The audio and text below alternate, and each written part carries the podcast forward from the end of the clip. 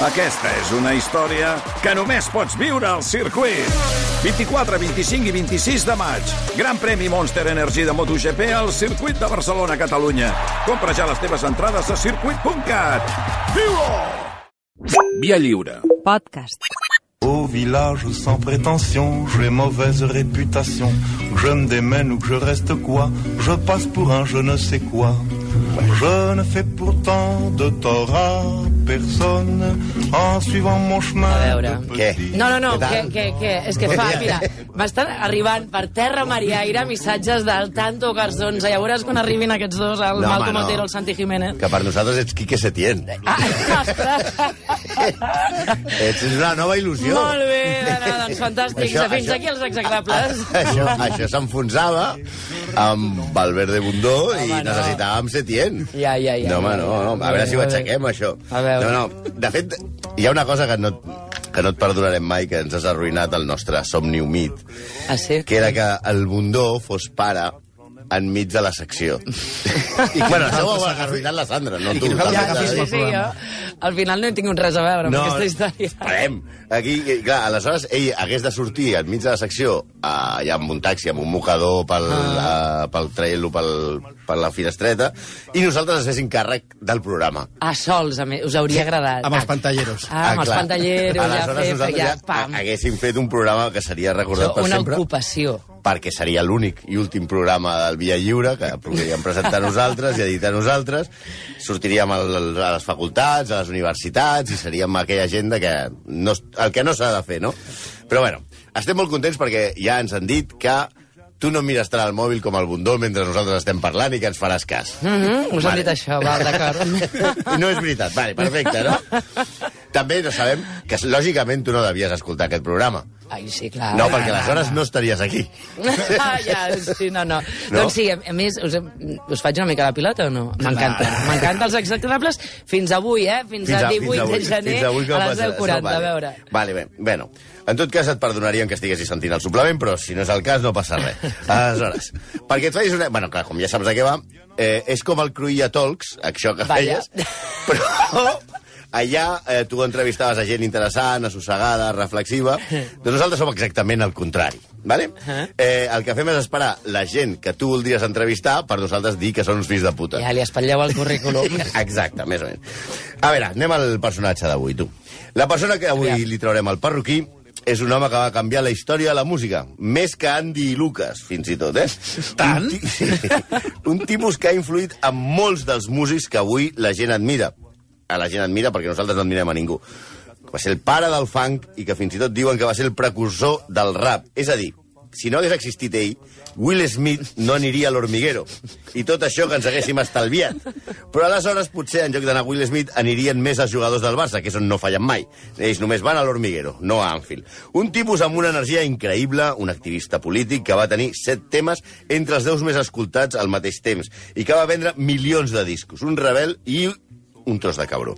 Un tipus violent, maltractador, tarat, malcompany, lladre, vanitós, dèspota i trampós. Déu-n'hi-do. Avui, que el Bundó ha estat pare, parlarem del pare del haha, el padrí del sol, dolent, Mr. aquest. Dynamite, el, mis, el ministre del nou son, Super Heavy Funk, el més treballador del món de l'espectacle, Soul Brother, Number One, The Original Disco Man, es deia James Joseph Brown, però simplement el coneixem com James Brown.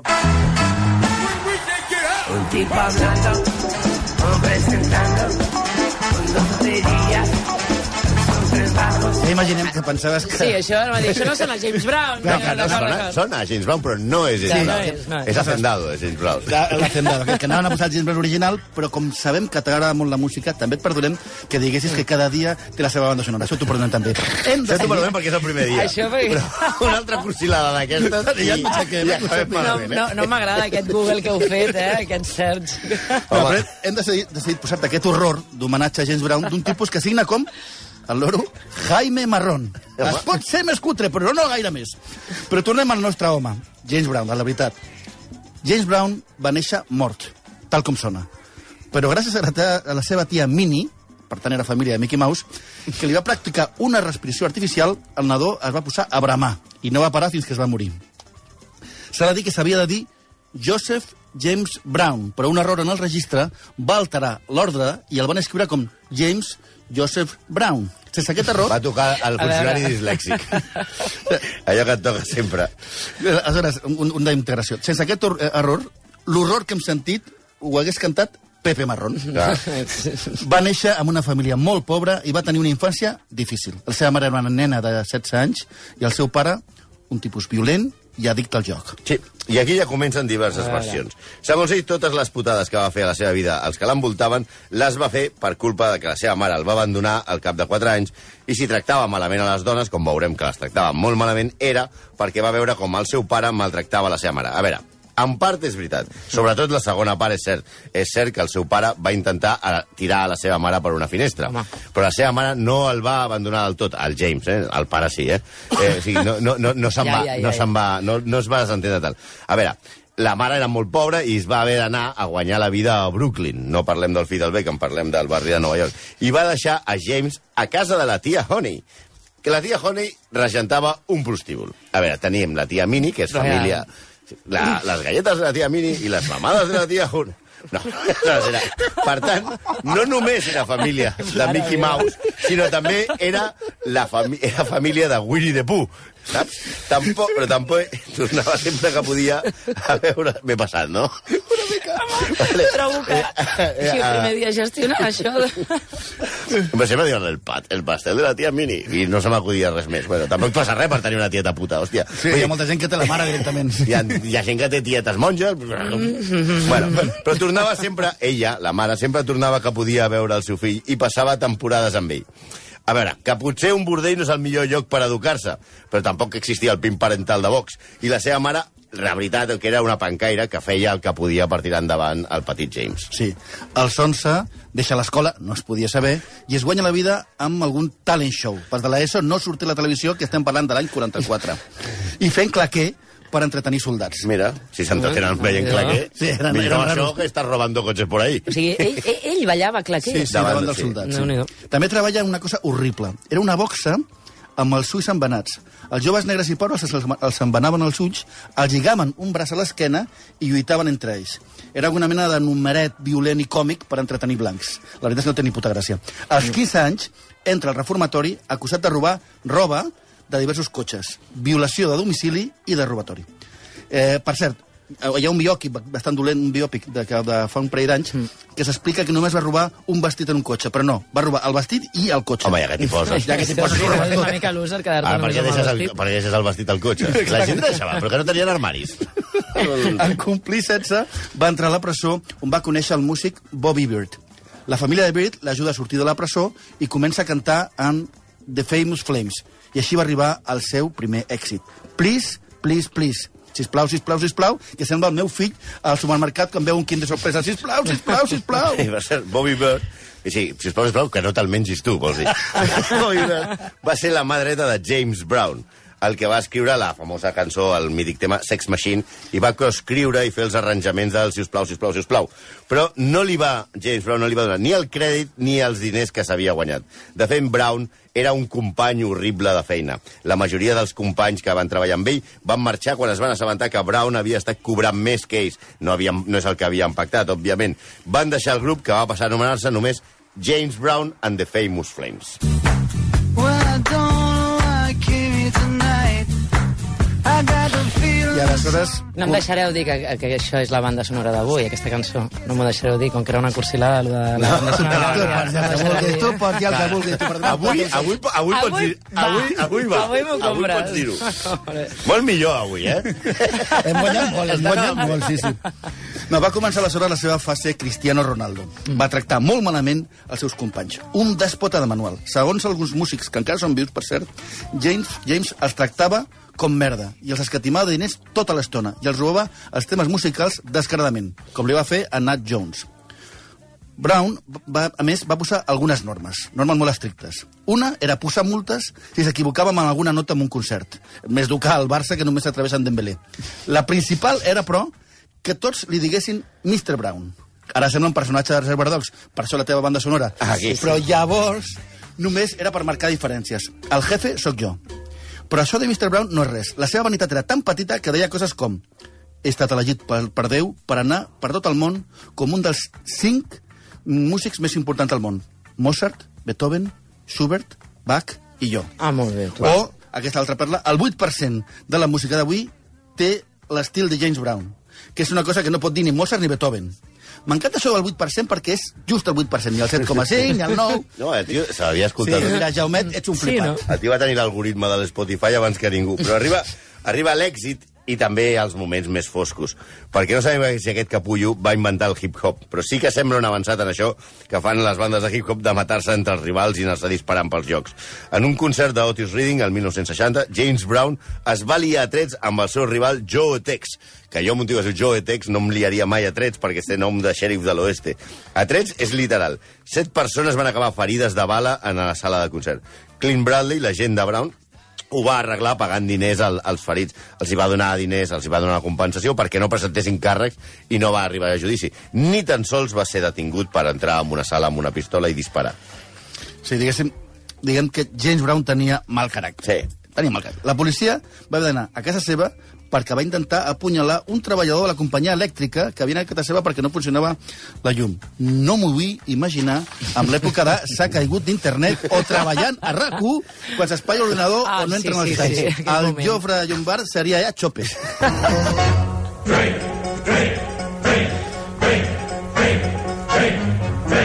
Eins, zwei, drei, Aquesta és una gran imatge d'una pel·lícula espantosa que es diu El príncep estudiant, en el que un noi molt atildat es veu una, hi ha una, bueno, una gerra de cervesa d'un litre i mig, no. Per què? Perquè les drogues i l'alcohol, Mr. Brown, hem arribat a les drogues, i ja és el tema que esperàveu tots vosaltres. Tocava tots els pals, Sí, eh, sí. veig? Sí, sí. Sí, amb la duresa que el caracteritzava, però mireu que ell ho prohibia tot, prohibia tot el seu equip, a tota la banda, prendre drogues. Si algú en prenia drogues, era acomiadat, era inflexible. Però ell canvia el nom de la banda i posa JB, i això ja no podia sortir bé, clar.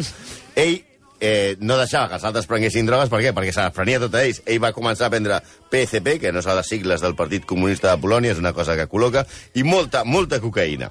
Es va posar diversos, diversos cops en rehabilitació, però devia ser una clínica poc professional, devia ser com la clínica a la que anava a la, a la que anava el, algun jugador del Barça, que no diré el nom. Va, era una clínica poc professional perquè els dos dies de... Vermaelen, per exemple. Perquè els dos dies de sortir el van detenir per possessió. Per possessió de droga i per possessió d'una arma sense llicència per fer-la servir. Va arribar a prendre també crack i va sortir col·locat i bastant perjudicat amb alguna que altra entrevista per televisió. En fi, jo crec que es fotia fora els seus companys per no drogar-se i els acomiadava per no convidar. Les drogues, la veritat, les drogues no li van caure bé. En una entrevista No preneu drogues. Robert Chalmers deia coses tan interessants com que un cop morts la nostra ànima s'anava amb una flatulència sobrenatural. Bueno. Sí, I aquesta festa, l'ànima que s'acaba La flatulència, per, per, explicarem a l'audiència, la flatulència és un pet. El palatranès és un pet, exacte. I també cito, literal, si mirava algú als ulls, sabia que estava a punt de morir. També va entrar diverses vegades a la presó, com és eh, obvi. Una per disparar dos, dos policies. La persecució va ser de pel·lícula i va creuar dos estats. I són haver- grans els estats allà, eh? Caram. Són gran... Bueno, mira, perquè currículum, penseu, perquè penseu, Texas és més gran que Espanya. Va haver de disparar... Sí, però no tenen a Carlos Sainz. Els imbècils aquests. La policia va haver de disparar a les rodes del cotxe on estava fugint el uh, James Brown. La, la veritat que penseu, una persecució que ja era molt Si van famós. trigar dos estats en perquè les aquí, rodes... aquí ja era famós. No, Sí. molt famós. És com perseguir a Rosalia o Alejandro Sanz amb un cotxe. Clar, imagina, i, i estar dos, dos estats disparant-li les rodes i no encertant-lo, també és que la, diu molt poc de la policia nord-americana, però bueno. Sí, sí. Bé, però si hi ha una cosa més horrible, entenem que disparar a la gent no està bé, no ho feu mai a casa, és com tractar, com dèiem, com tractava a les dones, especialment a les seves parelles. Es va casar quatre vegades, hi ha dones que no aprenen, i va tenir almenys nou fills. Tres els va, eh, no els va reconèixer, però amb les proves d'ADN van reconèixer que eren seus. La primera dona era Velma Warren. És l'única que no sembla que no va maltractar. Segurament pel cognom, perquè era la més Warren del grup. Poc després Oh, va ser nòvio Mare de la cantant Tammy Terrell, de la Ai, qual, ai, segons Bobby Bennett, dels Famous Face, li donava unes pallisses terribles i, obro cometes, feia sagnar Terrell a Borbois. Sí, després va casar amb Dede Didi Jenkins. Llama, una de les eh, dues filles d'aquest matrimoni, explica que les pallisses eren constants. En una ocasió, ocasió o brusita, aquí haurem de fer servir com aquella veu que surt en anglès per sota, mentre jo parlo, no? Sí. Després d'una pallissa, la casa va quedar completament silenciosa. El so de silenci va ser el pitjor, perquè va ser llavors quan Dina, que és la, germana, i jo ens preguntaven si la nostra mare era viva o morta, i si seríem les següents. Cara. Als 5 anys, ella diu que va ser testimoni d'una altra, altra escena. La meva mare estava vestida a la seva túnica blava i blanca. Tenia les cames obertes i el meu pare estava a cavall sobre ella, colpejant-la amb els punys tancats. La sang brollava de la cara de la meva mare. Una puta bèstia. Sí, després, a més a més, eh, evidentment aquestes dones sortien corrents, però sempre trobava algun altre incauta que es casava amb ell, com va ser Adrien Lois Rodríguez. El casos d'abús i violència ja estaven tots els dies a les mitjans perquè l'home estava descontrolat també pel seu consum de drogues, no? I també la seva quarta esposa, Tommy Heaney, que el va acusar de maltractament ja el 2004. Va relatar pallisses que fan por. Però això no és tot d'aquesta perla machita. El 1998, Mary Simons va acusar Brown de mantenir-la captiva durant tres dies exigint sexe oral i disparant un arma per intimidar-la. Sí, Lisa Ruston també va acusar Brown d'exigir favors sexuals. I quan ella es va negar, li va re rebaixar el sou i la va mantenir fora de l'escenari. Lisa Abagayava, que també treballava per Brown, va dir que el cantant li va dir que tenia testicles de toro i li va donar roba interior en estampat de cebre. Aquí ja se li havia Ai, gastat la ai, Sí, pista. això que- Això, això ara- és... Aquí ja l'olla... Sí. Sí. En fi, se li havia Per anat què on moltíssim. compres Eh? roba?